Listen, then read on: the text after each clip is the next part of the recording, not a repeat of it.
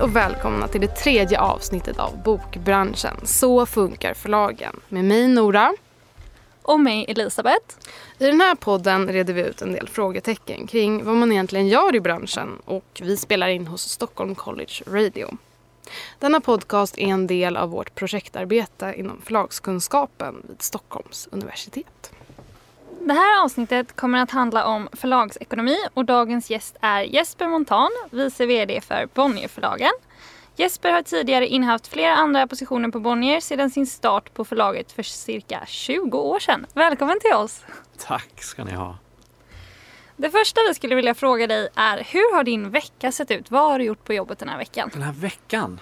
Jag famlar genast efter telefonen för att kolla liksom mitt schema, vad vi har gjort. Nej men den här veckan har ju faktiskt Eller det handlat dagarna. en del om eh, det här elaka viruset ju. Mm. Som har snurrat runt, snurrar runt får man väl säga. Och det faktum att vi ju eh, närmar oss eh, en av de större mässorna för året, Londonmässan, som ju skulle ha ägt rum i nästa vecka. Men vi började väl fatta redan under den gångna helgen, alltså innan den här veckan startade, att det där nog inte skulle bli som vanligt helt enkelt. Så i början av veckan så satt vi och diskuterade lite det där och från början handlade det ganska mycket om eh, de medarbetare, en handfull som hade varit på sportlov i Italien eller andra ställen. Hur skulle vi göra med dem? Och eh, så småningom så kom det också, hur gör vi nu med den här mässan? Och då bestämde vi oss ju tidigt i veckan här i måndags tror jag det var, att vi ställer in vår medverkan. Och det är ju eh, det är inte så kul att göra.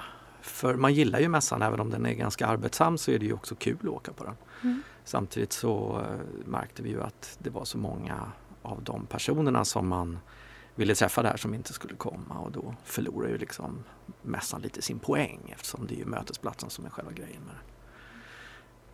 Så det är väl det jag tänker på mest när det kommer till veckan. Ja. Men sen är det lite det vanliga. Det är ju lite möten här och där om saker och ting. Eh, februari har ju tagit slut och då tittar man ju lite grann på de två första månaderna hur utfallen har blivit, försäljning och Mm. sen så är vi ju också faktiskt mitt uppe i en bokrea. De, det vi hör från, från bokrean så här långt i år är att det går riktigt bra. Kul! Att det har varit ett eh, steg framåt ifrån förra årets nivå och att många rapporterar att de första dagen köer utanför butiker och böcker som tar slut och sådär. Eh, Så att kul ju! Mm. Att bokrean fortfarande lever. Ja. Den har ju trots allt funnits i snart 100 år eller någonting i den här stilen. Det var på 20-talet väl den Jag tror det. till? Mm. Ja. Jag vet inte riktigt om det finns någon officiell år där det startade och jag tror att någon gång på 30-talet började man väl länsa upp det hela med gemensamma reastarter och, Mm. och sortiment och sådana här saker. Men redan under 20-talet så hade man ju en bokrea. Det är ju ganska fantastiskt. Mm. Precis. Hur viktig är egentligen bokrean för eh, förlagen? Är den större än julhandeln eller hur mycket brukar man normalt tjäna? Ja, alltså man kan väl säga att rean fyller väl åtminstone två funktioner. Dels Mm. är det ju stort eh, rent försäljningsmässigt. Ja. Det är mycket böcker som säljs och det gynnar ju, eftersom vi nu ska prata om förlagsekonomi, så, Ja, så ja. liksom är det ju en, en, en, en vettig och bra del av förlagsekonomin är den återkommande rean. Mm. Och från början så handlade det just om att realisera lagervärden som ju hade blivit för stora och som inte hade sålts under bok, eh, liksom själva eh, julhandeln. Mm. Men nu eh, sedan ganska många år tillbaka så har man ju en mycket mer eh, vad ska man säga, offensiv strategi där man trycker upp böcker för bokrean och man siktar lite på det och man har det i åtanke under hösten när man trycker böcker och sådär. Så att Mm. man ska väl, den har i och för sig minskat i volym och det är väl en del av liksom utvecklingen som hela branschen har gått igenom med de olika vågorna av digitalisering och att böckernas eh, pris till läsare faktiskt har, sjunkit under de senare årtiondena. Och det gör ju då att, eh, så att säga, prisgapet mellan en normalsatt prissatt bok och en bokreabok har blivit mindre. Mm. Mm. Eh, och därmed så blir ju kanske effekten lite mindre av den. Men eh, det är ju som sagt fortfarande en, en stor volym. Men den andra delen av bokrean som, som man inte ska glömma bort det är ju just att det tar någon form av plats i folks medvetande. Mm. Ja. Att, det, att det här med böcker har en, eh, en tid nu där man liksom fokuserar det och man blir intresserad av det och vad är det för böcker egentligen och vad vill jag läsa och vad har jag läst? Har jag den där och vill jag Mm. köpa den? och så vidare. Och det där ska man inte alls underskatta, att man får ett ganska tydligt fönster för den läsande allmänheten där man pratar och tänker på böcker, ser böcker runt omkring. Eh, både i liksom bokhandel, eh, dagligvaruhandeln och, och även på nätet naturligtvis. Så det tycker jag är en stor poäng med det. Mm. Absolut, jag tänker ett av få forum på internet som är väldigt så här, trevligt och gemytligt. Det är så här, Dagens Nyheters Snacka om böcker på Facebook. Där jag är Mm. med. Det är jag och alla medelålders. Men, eh, men där är det verkligen mycket att man lägger upp så här, eh, alltså gigantiska högar på så här, bok, bokreaskörden. Alltså är det så? Folk shoppar så mycket på bokrean och det är verkligen diskussion där. Så Ja. det känns som att det lever, Ja. Ja, tycker jag. Du och alla medelålders. Det är snart jag också. Ja, ehm, om vi återgår lite till just dig då. Hur kommer det sig att du sökte dig till förlagsbranschen från början och till kanske specifikt Bonnierförlagen? Ja, det var ju så länge sedan nu så jag höll på att säga att jag har glömt bort det. Men det, det, egentligen så här i efterhand så skulle man väl kunna säga att det såg ut som en stor plan alltihopa men det vet jag inte riktigt om, man, om jag kan egentligen eh, mena på allvar. Men det handlar ju såklart om när man pluggar någon gång som ni vet. Mm. Så sitter man ju där och funderar till slut vad man eh, dels ska plugga nästa termin och framöver. Och det där kommer ju så småningom fram till att man behöver ha någon slags syfte med plugget och då kommer man fram till att det kanske ska bli ett arbete så småningom och då undrar man vad ska det vara då? Och då, så jag pluggade helt enkelt eh, olika former av eh, kulturvetenskaper. Jag pluggade då naturligtvis på Litvet Mm. ganska mycket och sen vid något tillfälle så började jag också läsa ekonomi. Och då tänkte jag där någonstans att kanske det där med förlag inte vore, ja det vore spännande helt enkelt. Och jag då hade ju kanske lite den här känslan av att om jag inte kompletterar med någonting annat så är ju risken att jag blir lärare. Det här har vi pratat om, men jag förstår. Och eh, som du förstår så kanske jag inte var helt eh, ja, jätteattraherad av tanken att jag skulle bli lärare. Nej. Och då började jag plugga på EC, alltså Ekonomicentrum, eh, för jag pluggade i Lund och där Mm. heter det så.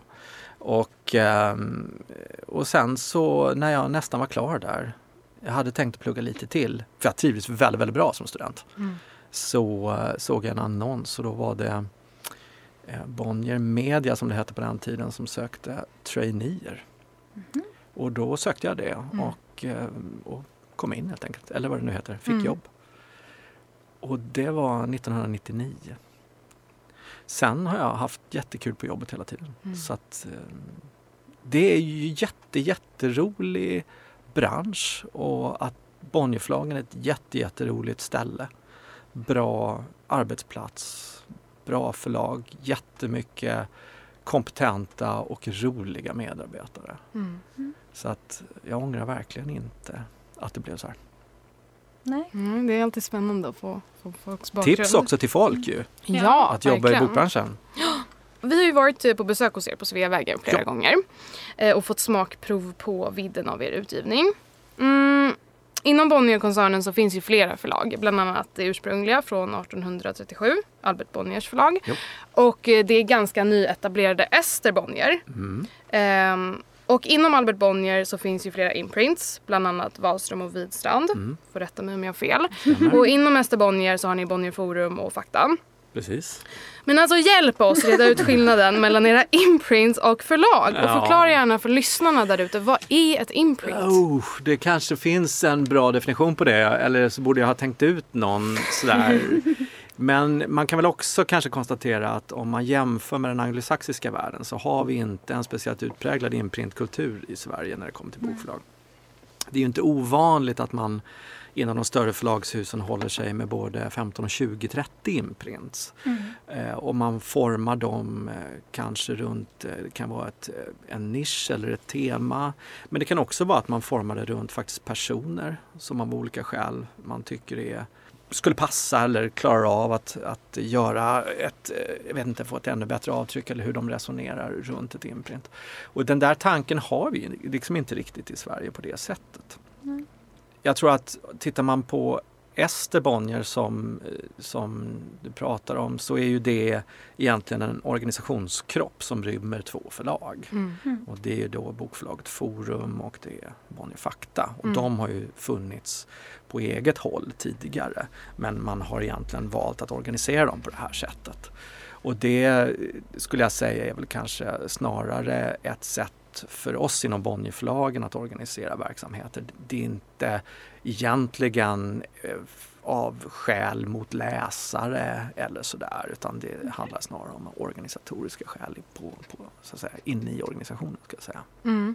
jag vet inte riktigt ifall jag kan liksom komma fram till att eh, en tydlig imprint definition Nej. eller sådär utan jag skulle säga att det handlar ganska mycket om situationer som man väljer att, eh, att hantera på olika sätt egentligen.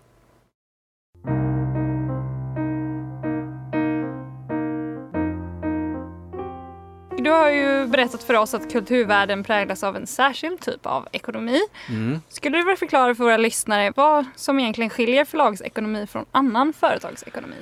Ja, alltså det lättaste svaret på det är väl ingenting. Nej. Det är ju samma typ av ekonomi som jag föreställer mig att det är i, i de flesta ställen. Och då måste jag ju här börja med att säga att jag är ju alltså ganska begränsad i min erfarenhet eftersom jag ju då faktiskt bara jobbat på bokförlag i någon egentlig mening. Men det, det är ju riktigt som du säger att det är ju en del egentligen av kulturekonomin. Och eh, ibland pratar man om kreativa näringar och det är ju en del av, av samma system egentligen. Och här tycker jag det finns några saker som är vettigt att tänka på. Och eh, eh, det gäller ju då alltså inte bara bokförlag. Det här kan handla om, eh, jag tror du har samma förutsättningar kanske inom musik eller inom teatrar eller museivärlden eller vad det nu kan vara. Så det är ju liksom en, en värld man delar med ganska många andra verksamheter inom kulturekonomin. Men en sak handlar ju naturligtvis om att man måste balansera det kommersiella och det kreativa. Mm. Och jobbar man på bokförlag så är det här någonting man pratar om och förhåller sig till varje dag i veckan egentligen. Eh, balanserna. Du behöver ha någon form av kommersiell framgång, åtminstone i någon skala, någon mening, för att kunna utveckla en kanske kreativ sida som inte ögonblickligen bär sig ekonomiskt. Sen finns det ju naturligtvis exempel där det här sammanfaller alldeles utmärkt. Så det är inte motsättningar i en absolut mening. Nej. Men du behöver ett eller annat förhållningssätt till den här typen av balans. Mm. Och det tror jag är, en, eh, det är väl det mest typiska eh, egentligen. En annan sak här som ju är eh, som, som kanske ger läsar författarperspektivet handlar ju också om att det är väldigt, väldigt svårt på förhand att veta vad det är man jobbar med egentligen.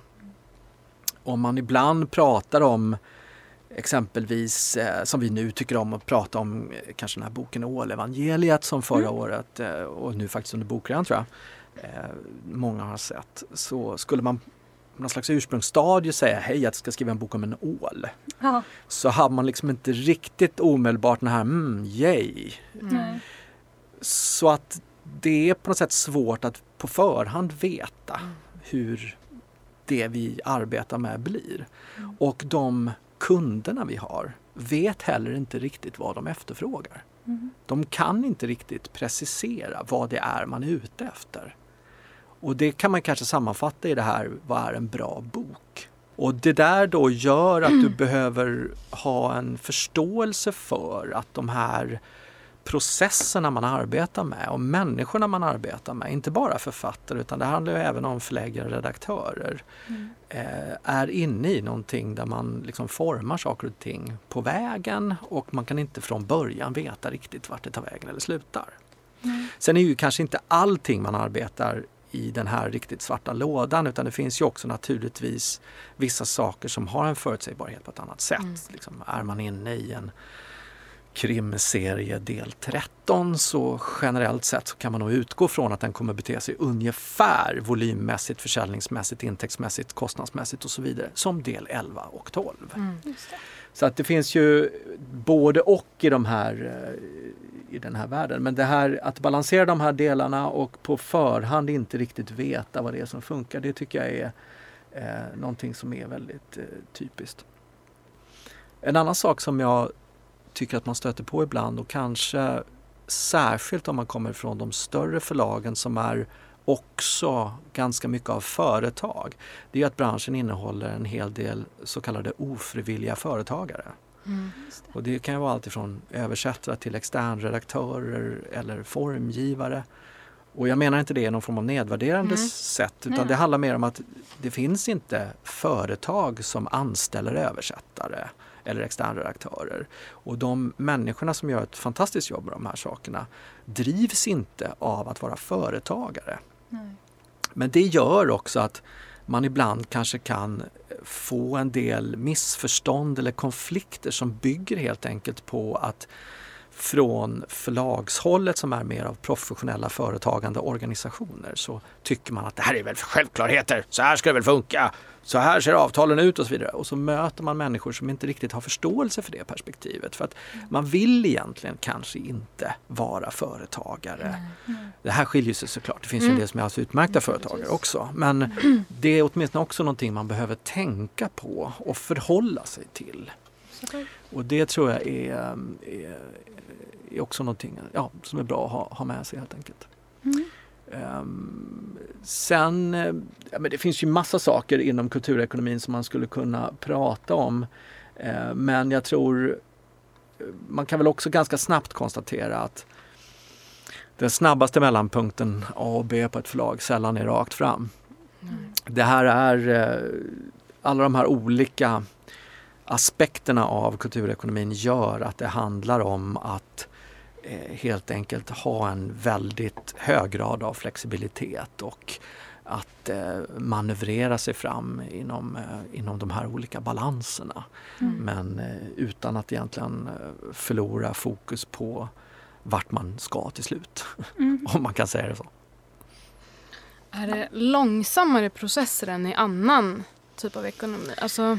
Ja, det föreställer mig också. Ibland mm. tänker jag att det kanske har att göra med att det tar ganska lång tid att skriva en bok. Mm. Mm. Och det där sätter också tempot på förlagen eh, som en total så att säga. Mm. Ehm, det låter lite metafysiskt när jag säger det men jag, jag, kan ändå tänka mig att det kan hänga ihop mm. lite. Det är ganska långa processer man har att göra med och det är också en hel del eh, tillfällen där du har en plan som inte riktigt blir som den ska. Det kanske inte blir en bok alls till slut. Mm. Och det är också någonting man behöver förhålla mm. sig till och gör att man måste ha förståelse för att vissa av de här momenten är väldigt långa. Mm. Um, ibland kan vi också tycka att det finns liksom en ganska långsam rörelse gentemot bokhandeln som vill ha kampanjer och planer väldigt långt i förväg och det ska det känns som att det borde gå att liksom korta ner de här processleden. Mm. Mm. Eh, och där tror jag nog att eh, digitaliseringen faktiskt har snabbat på en hel del. Mm. Och jag tror att i takt med att de digitala kanalerna blir mycket större så tror jag nog att vi kommer se en, ett ökat krav på eh, flexibilitet i de leden. Mm. Men det är en annan sak som vi brukar prata om ibland är ju att inom förlagen så, om man tänker sig som en piltavla, mm. så ute i kanterna, om man säger så, där du kanske har de här produktionsleden, distributionsleden, försäljningsleden, där försöker vi vara så rationella, så standardiserade som möjligt. Och ju närmre den hårda kärnan du närmar dig, där du har förläggeriet mitt inne i centrum. Mm. Där vill vi tillåta oss att vara flexibla och dynamiska och inte ha krav på standardiseringar och modeller och så vidare. Mm. För att helt enkelt få det hela att fungera. Mm. mm. Så då skulle man kanske tillbaka till frågan säga att i den hårda kärnan där vill vi lägga egentligen inga tidsaspekter. Men ju längre utåt kanten du kommer, där vill vi bli snabbare och flexiblare mm. än vad vi kanske är idag och vad vi förmodligen behöver bli för att gå egentligen i takt med tiden skulle jag säga. Mm. Lät det som ett svar på Ja, frågan? verkligen. Jag älskar piltavlan. jag förstod. Jag såg det framför mig. Ja, vad bra. Precis. Ja, förlagsekonomi och kulturekonomi i stort kan man verkligen prata mycket om. Det är ett fascinerande ämne. Jag tänker att vi um, smalnar in oss lite på försäljning. Mm. För det, ett, ett stort förlag som Bonnier, ni säljer såklart inte direkt till kunderna utan ni går ju via distributionskanaler. Japp. Både i form av fysiska butiker och såklart online. Mm. Men ett förlag har inte blivit av med böckerna bara för att de har lämnat lagret och hamnat i bokhandeln, eller hur? Nämligen. Eh, I Sverige har vi någonting som kallas returrätt. Japp. Vilket är bokhandlarnas möjlighet att returnera de böcker som de inte säljer tillbaka till förlagen. Ja. Det här har ju vi pratat om med dig Mm. tidigare. Men kan inte du berätta lite om din syn på returrätten och hur den faktiskt påverkar förlagsekonomin? Ja, eh, nej men returrätten eh, får man väl ändå säga är ju något egentligen, vad ska man säga, oomtvistat. Det har funnits i branschen under väldigt, väldigt lång tid. Säkert eh, längre än vad jag kan komma på men jag tror ändå att det finns en, en slags rest som man kan leda tillbaka till det gamla kommissionärsystemet som fanns innan vi hade fria priser i Sverige. Vilket ju var alltså skillnaden mellan fria och fasta gick ju runt 1970. Mm. Och eh, när då det i och med de fria priserna gick över till att bli eh, eh, förlagens böcker som man sålde till bokhandeln helt enkelt. Annars var det förlagens lager som var framflyttat ut i butik. Men det var där någonstans tror jag som returrätten uppstod. Sen tror jag också att det finns en, en slags eh, nödvändighet och naturlighet i det. Det vill säga i och med att det är på det här sättet som vi pratade om, att man inte riktigt kan förutse alla gånger vad det här är för bok och efterfrågan på den. Det är en del av kulturekonomin att efterfrågan är väldigt svår att på förhand avgöra. Då är det också rimligt på något sätt att det ska finnas liksom en, en diskussion mellan de här två leden, förlagen och bokhandeln, vem som står risken. Och en del i förlagens värld är ju att vara risktagare i, eh, i, inom litteratur kan man säga. Eh, däremot så, så har väl det här också kanske, åtminstone i min mening, kommit till att bli lite överdrivet. Att det blir lite för mycket, det blir lite för lätt att skicka tillbaka böcker. Och det kan i vissa fall, ska jag säga, för jag vet att det inte är så här överallt, men i vissa fall så kan det också bli så att bokhandlare blir inte så medvetna vilka böcker och vilka kunder man har eh, som man borde vara. För man har alltid möjlighet att skicka tillbaka böcker. Och det gör att själva försäljningstrycket eller kunskapen runt vilka kunder man har och vilka böcker de vill ha, efterfråga och hur man gör för att sälja dem. Den mekaniken blir lite störd i och med att det finns en ganska enkel lösning som är att skicka tillbaka böcker. Ehm, sen som jag sa så vill jag också understryka att jag är fullständigt medveten om att det finns extremt duktiga bokhandlare som har björnkoll på det här ändå. Men det här är åtminstone en mekanism som stör den, den relationen. Sen så kan man väl också ganska enkelt konstatera att, att en av de säkert viktigare frågorna från och med nyss och framåt har ju att göra med naturligtvis eh, klimat. Mm. Och att trycka böcker, skicka ut böcker, skicka tillbaka böcker, makulera böcker. Det är Mm. definitivt någonting som vi vill försöka bli betydligt bättre på, inte minst ur ett miljöperspektiv.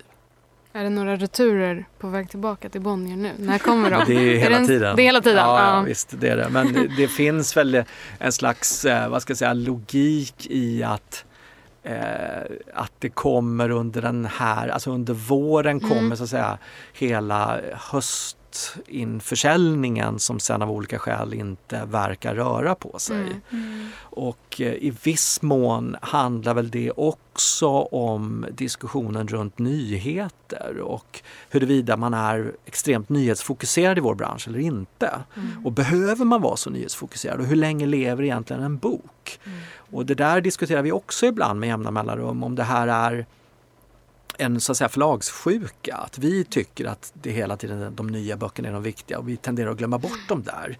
För en, för en läsare är ju varje oläst bok i någon mening en, en nyhet.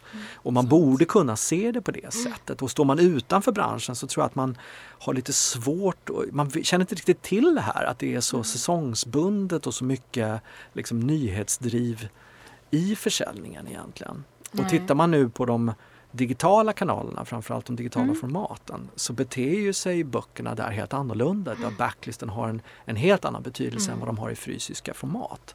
Och det är ju någonting att, tycker jag, fundera över. Mm. Sen finns det några olika eh, uppenbara skäl till varför det blir på det sättet. Mm. Men det är ändå, det är ändå tycker jag, intressant att, att liksom fundera lite grann över hur, hur fokuset runt nyheter egentligen fungerar. Tittar man också på exempelvis England som ju tjänar i dagsläget som exempel för väldigt mycket när det kommer till bokhandel och bokförsäljning så slås man av när man kommer dit in att butikerna arbetar med backlisten på ett helt annat sätt. Mm. Eh, där man lyfter fram gamla titlar helt enkelt för att man tycker de är bra och Mm. verkar kunna få, få dem att leva längre helt enkelt. Ja, Nej, men, men jag tänker när man var, man var ung och så kollade man i ens föräldrars bokhylla så hittade man så gamla typ Martha Quest minns, minns jag att jag hittade, Doris Lessing, Mm. sån här Maken, Gun-Britt Sundström, sådana är så här starka mm, bokminnen av Ja. som är så här eh, coola Men hur härligt 70-talet. var inte det? Det är så härligt! Ja. Så jag tycker, lever backlisten. Ja, verkligen. Och det är väl också någonting som jag kan tycka är, alltså när jag Mm. då också så pluggade och strax innan så här gymnasiet när man började få syn på böcker så att säga och Mm. göra det till en del av sin identitet. Mm. Eller man ska säga. Då var ju antikvariat var ju någonting Ja. som var fantastiskt och liksom verkligen knalla omkring i och gå in i det, hur det luktade och hur knasiga de där antikvariaten Mm. var. Och jävlar vad böcker de hade och liksom man, de vindlande gångar hit och dit och man hittade saker och sådär. Det var ju upplevelser som, Ja. som jag antar inte den generationen idag har på det här sättet och det är ju verkligen sorgligt. Ja. Köp backlist allihopa. Och leta i mammas bokhylla. Ja. Precis.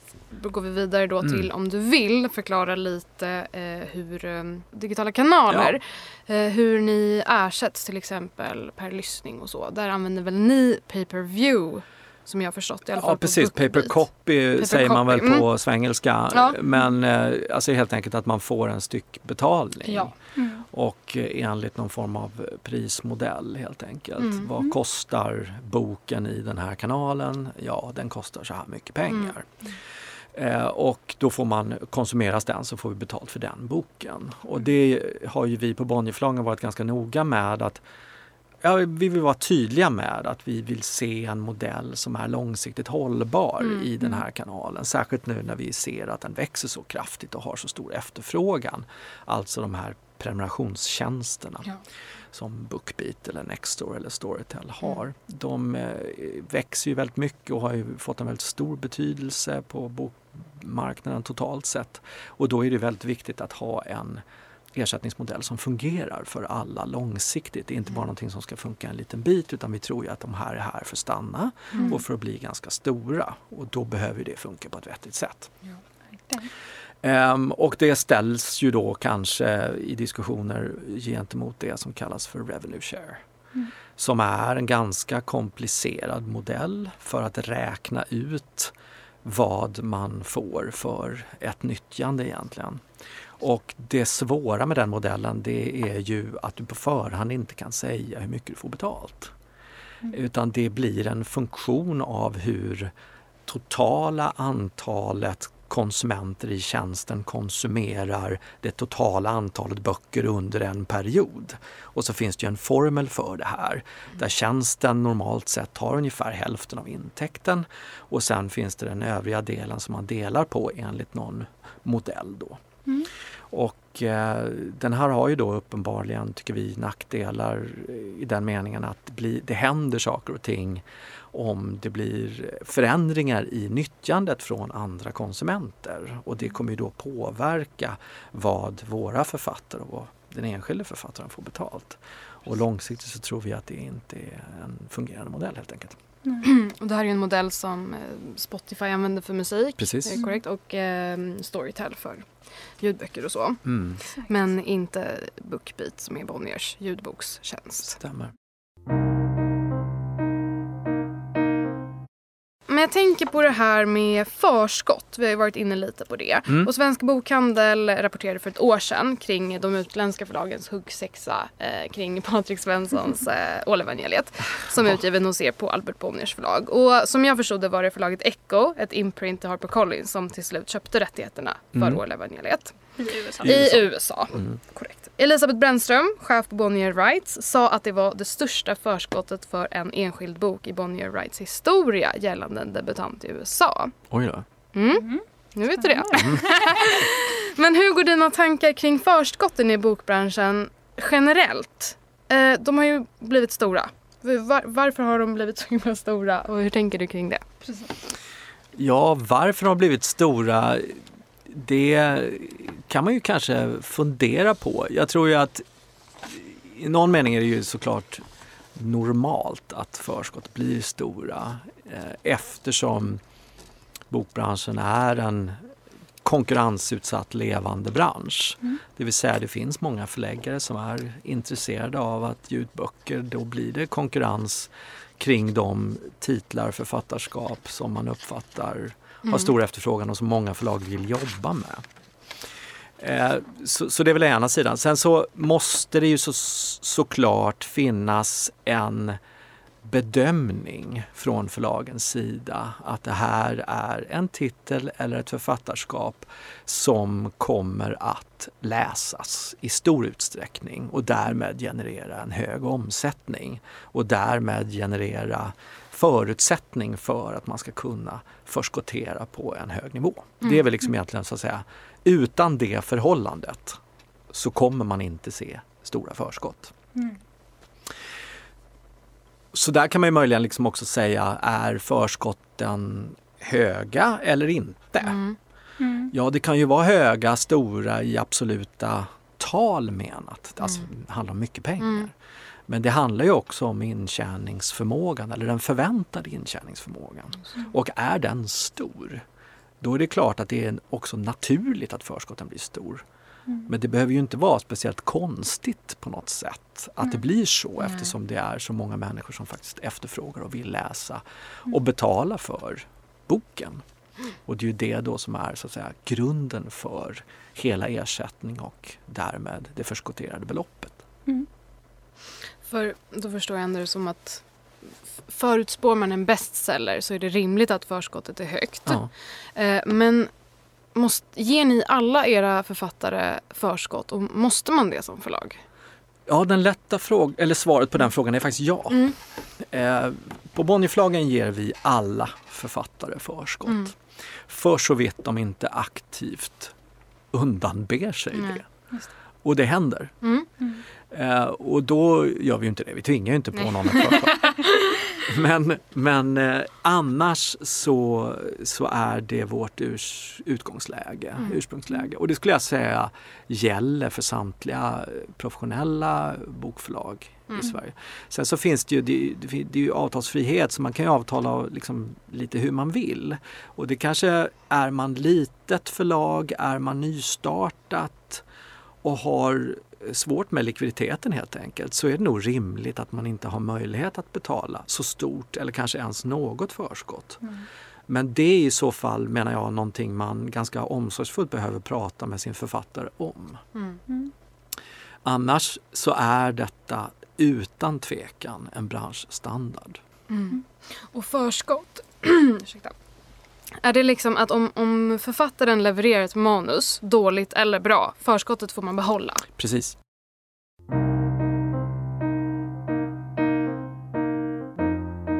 Då tänkte vi prata lite bokförsäljningsstatistiken då. Ja. Som Mm. kom ut här för några veckor sedan bara. Mm. Har ni läst den? Ja. Jajamän, såklart. och den tas ju fram av Erik Wikberg, forskare vid Handelshögskolan tillsammans med Svenska Bokhandlareföreningen och Svenska Förläggareföreningen. Och I rapporten framgick bland annat att branschen det senaste året har upplevt eller de senaste åren har upplevt ett betydande skifte från tryckta till digitala böcker. Jo. Och där inom är det ju framförallt de strömmande ljudböckerna som är mycket populära. Mm. Och i nu, nuläget fortsätter försäljningen av tryckta böcker att sjunka och nästan hälften av alla sålda böcker är idag digitala, fick vi veta där. Vad finns, det vad finns det för konsekvenser med det här och hur anpassar ni på Bonnier er till en marknad i en så stor förändring? Ja, det där är ju faktiskt en jättebra fråga. Och det där skulle jag säga är den frågan i olika, på olika teman, eller på samma tema olika sätt, som egentligen alla förläggare håller på med just nu. Det är inte så lätt alla gånger att förhålla sig till det och veta vad man ska göra. Men förhållandet är precis så som du refererade det. Man ser att de digitala formaten ökar markant och man ser att de fysiska formaten pressas. Och man kan lägga till till det också att i de digitala formaten så är det inte alla böcker som eh, går framåt i samma hastighet. Mm. Och där i ligger en stor del av problematiken. Eh, det finns en ganska tydlig skillnad mellan att läsa böcker och lyssna på böcker. Ja. Och nästan en definition av att läsa, det är ju att man inte kan göra någonting annat samtidigt. Nej. Det funkar liksom inte. Utan det, det, det kan ju alla referera till. Så fort man sitter man och läser en bok, längre text och man börjar tänka på något annat. Då tappar man ju liksom tråden. Det Mm. går inte. Mm. Men själva grejen med att lyssna på böcker, införsäljningsstrategin med det, Mm. det går ju ut på att du kan göra något annat samtidigt. Köra bil eller stryka, tvätta, diska, något tråkigt vanligtvis. Ja. Eller bara åka till jobbet eller vad det nu kan vara. Och, eh, och då förstår man att det är ju alltså olika, det är helt enkelt olika processer. Mm. Att lyssna och att läsa. Och när man då lyssnar så har man inte generellt sett, för så vitt man inte sitter still och gör ingenting annat än lyssna, Mm. så har man svårare att hänga med i mer komplicerade berättelser. Mm. Och det gör ju att berättelser som är mer ja, komponerade på ett, ett, ett annat sätt än raka linjära berättelser får det svårt i ljud som format. Just Och det gör ju att några böcker, framförallt kanske genrelitteratur och så vidare, går väldigt bra digitalt. Mm. Men en annan typ av böcker med flera berättelseplan, kanske flera olika personer, mycket mer av beskrivningar eller känsloförklaringar, ja, eller, eller vad det nu kan vara. Då, där blir det helt enkelt svårare att lyssna på den. Mm. Ehm, och då handlar det helt enkelt om, och det är egentligen ingen, ingen annan process än den som vi pratade om tidigare också, det handlar ju om de här balanserna. Och Mm. det har man viss vana på förlag skulle jag säga. Vad är det som fungerar, vad är det som inte fungerar och hur försöker man parera det i sin utgivning. Och det ser ju inte annorlunda ut i den meningen i den här miljön men det handlar ju väldigt mycket om att försöka förstå vad det är som fungerar och inte och hur man då anpassar sig till det. Och det finns ju inget förlag som bara vill ge ut en sorts litteratur utan det handlar ju om att hitta rätt idé och vara då eh, så att säga, i linje med det man vill som förlag. Mm. Hur man vill att utgivningen ska se ut. Precis. Och det är svårt. Men eh, de här eh, digitala böckerna då, det är ju framförallt som vi sa ljudböckerna som är den stora succén. Och det framgår också här i statistiken. Men eh, e-böckerna däremot är inte lika populära. Nej. Vad tror du det finns för anledningar till det att ljud är så mycket mer populärt än e i Sverige? Och tror du det kommer fortsätta liknande i framtiden? Eller kommer vi se en ökning i e-boksläsning? Ja, alltså för några år sedan så trodde vi nog alla att e-boken skulle expandera ganska kraftigt. Mm. Och så blev det ju inte.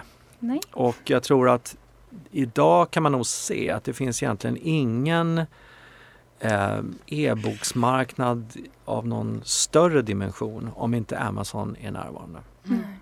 Utan e-boken em, blev ett så stort format i de länder där Amazon fanns därför att Amazon var så skickliga på att pusha det. Mm. Och mycket handlade ju om såklart att de hade sin egen läsare, Mm. Kindle, Mm. som de ju då tryckte ut i enorma mängder. Ehm, så att jag tror att, och, och det kan du nog se också att skälet till varför ljudboken har vuxit så snabbt i Sverige har ju också att göra med att du har haft väldigt beslutsamma aktörer i Mm. liksom Storytel och så sedermera Bookbeat och Nextory som verkligen har varit övertygade om att det här ska fungera för dem och kört hårt med det. Precis. Så att formaten bärs i någon mening av eh, professionella och beslutsamma aktörer. Mm. Sen tror jag nog att till motsats för e-boken så ser du att ljud växer egentligen på alla marknader. Mm. Mm. Eh, Så ljudet verkar ju vara anpassat till vårt sätt att leva skulle jag tro. Mm. Eh, det här har såklart att göra med teknik också ju. Att Precis. alla har tillgång till sin telefon nu. Det finns så pass stor kapacitet i systemen att man kan strömma ljud utan några större problem. Mm. Och eh, folk är i de här liksom, i, i pendlingslägen eller vad det nu kan vara. Så det här funkar fint i deras vardag helt enkelt. På ett annat sätt tror jag än, än vad, vad e-boken gjorde. Så, så vad tror vi om e-boken? alltså, kommer, skulle- kommer det lanseras någon läsplatta som är god nog för Ja, svenskarna? exakt, och jag tror jag är, snarare också skulle jag säga är läsplattans liksom, tid förbi. Mm. För då ska man minnas att Kindle lanserades alltså i en tid när inte eh, smarta telefoner fanns. Och skulle man då tycka att det är okej att skaffa sig en liksom, pryttel till att hålla koll på för att läsa? Det är väl kanske tveksamt. Det här är ju, alltså Kindle lanserades också innan iPad. Mm. Mm. sant. Så att, eh, och nu är vi vana vid att de här grejerna ska kunna liksom allting. Och då uppstår ju en konkurrens med läsningen i plattan, rörlig bild, ljud, vad du vill. Liksom. Så det är väl frågan. va?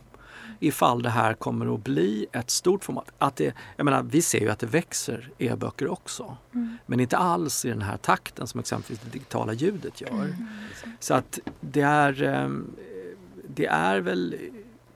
Jag skulle gärna se, ska jag säga, Mm. att e-boken får någon form av champion som driver det formatet. Ja. Det tycker jag vore lite fint. Mm. Men jag ser inte riktigt vem det skulle vara eller hur det, hur det skulle ske i dagsläget i alla fall. Mm. Men kommer Amazon, vilket man väl ändå får kanske för utse eller tänka sig. Det känns på något sätt orimligt att Amazon inte skulle komma ändra dagen. Mm. Nej. Då, då har vi Kindle-systemet här och då skulle jag gissa att det får ett ganska kraftigt eh, uppsving. Ja, jag måste ju bara få fråga då. Nora, du läser ju på läsplatta och gillar ju det. Verkligen. Jag försöker ju få alla att köpa det. Jag har fått min mamma att köpa en. Och jag hjälper henne att ladda ner från biblioteket. Jag, jag förstår inte varför folk inte har det. För att för mig är det liksom en backlash nu. Att folk vill ju ha ett format där man inte heller kan bli distraherad. Jag tycker ändå jag ser på många i min generation, alltså som kompisar som får barn nu och vill inte sitta med telefonen och vill inte. Läsplattan är ju guld, du kan bara läsa böcker på den. Du kan lägga mobilen i ett annat rum, du kan läsa på den när din partner sover för den har en lampa i sig, du kan ta med den på resa. Jag, för mig är det ett helt sjukt mysterium att den inte är större än vad den är. Mm, jag håller verkligen med Ja. och jag tror jag, jag håller med dig också. Jag hoppas också att det kommer komma Mm. någon form av sån här då backlash. Liksom. Om det blir läs e-böcker eller om det blir vanliga pappersböcker. Det återstår väl att se vilket som skulle, skulle jag ändå tycka var ganska bra. Och jag håller med dig där. Jag undrar också ifall inte eh, allt ifrån Cambridge Analytica till eh, vad det nu kan vara för någonting har gjort att folk börjar faktiskt fundera lite grann på sina digitala vanor och Mm. kanske så småningom uppskattar att inte göra allting via samma, Mm. samma device. Liksom. Men, eh, och sen precis som du är inne på så finns det ju en, en stor uppsida med att du får med dig en fantastisk mängd böcker Ja. i e-boken utan egentligen någon ansträngning i, i skrymmande paket eller något annat. Va? Så att det finns ju tydliga uppsidor för att man skulle läsa på Mm. e-bok egentligen. Du får tillgång till massa ny litteratur via alltså, biblioteken. Mm. Om du behöver stå i kö. Alltså, jag menar, det är bara att Mm. plocka topplisteböckerna. Mm. Liksom. Ja, det är jättebra. Eh, Men det jag tänkte ja. kolla med var, eh, läser Samtidigt du är på... det ju inte en bok, det ska prassla liksom. Man ska känna Ja. tyngden. Men en kombination, för jag köper så sjukt mycket böcker också. Förlåt Elisabeth, jag blir så engagerad här. Jag köper ju massa böcker också och har den så jag tror att det finns ehm, det- är inte att det, det slutar säljas då utan jag tror många är som jag, både läser i den Men om du köper. läser någonting som är riktigt Mm. bra e-bok Ja. då, köper du den sen? Ibland till eh, kompisar och ja, Men andra. inte till dig själv? Nej. Nej, det är inte så att du vill ha. Jag vill ju ha. En bra bok vill jag ha, hemma liksom. Ja. Jag, jag köper sådana med väldigt fina omslag. Det har ju blivit viktigare nu. Ser du det? Mm. Har du färgsorterad bokhylla möjligen? Eh, nej, vi har diskuterat det här också, men inte ännu. Nej, Jag läste eh, någonstans att det är ett tecken på att man är psykopat om man har det. Det tror jag. Det är en bra teori. har du det? Nej, gud nej. Aldrig i livet. Skönt, då är du inte psykopat. Ja, precis. Jag tror Men du är på väg att bli, eller? Okej, då är det dags att runda av Jesper. Vi Mm. vill ju fråga dig. Vad är det bästa med att jobba inom förlagsbranschen? Vad är det som håller dig kvar? Det, det är ju djupt fascinerande att arbeta med böcker i sin process. Liksom. Författare, men även redaktörerna, förläggarna, att diskutera, att vara en del av hela det som det handlar om att få böcker att bli böcker. Mm. Sen tror jag också att de flesta, för att inte säga alla på förlag, tycker ju att böcker, läsning är ju djupt meningsfull sysselsättning. Och att vara liksom del av boken såsom läsning, såsom del av samhället, såsom betydelsefull inom kulturen. Mm. Det är mycket, mycket tillfredsställande skulle jag säga.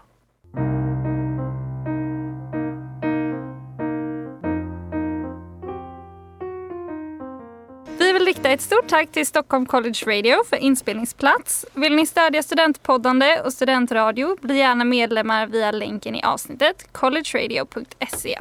Det är helt kostnadsfritt och kräver inget engagemang. Och sist men absolut inte minst, stort tack till dig Jesper Montan för att du ville ställa upp i vår podcast. Tack själva. Om ni tyckte om dagens avsnitt får ni gärna ratea och prenumerera så fler kan hitta vår podd. Följ oss också på Instagram, där heter vi Bokbranschen. Glöm inte att lyssna på nästa avsnitt. Då kommer vi diskutera frilans inom förlagsbranschen. Det blir jättekul. Hej då! Hej då!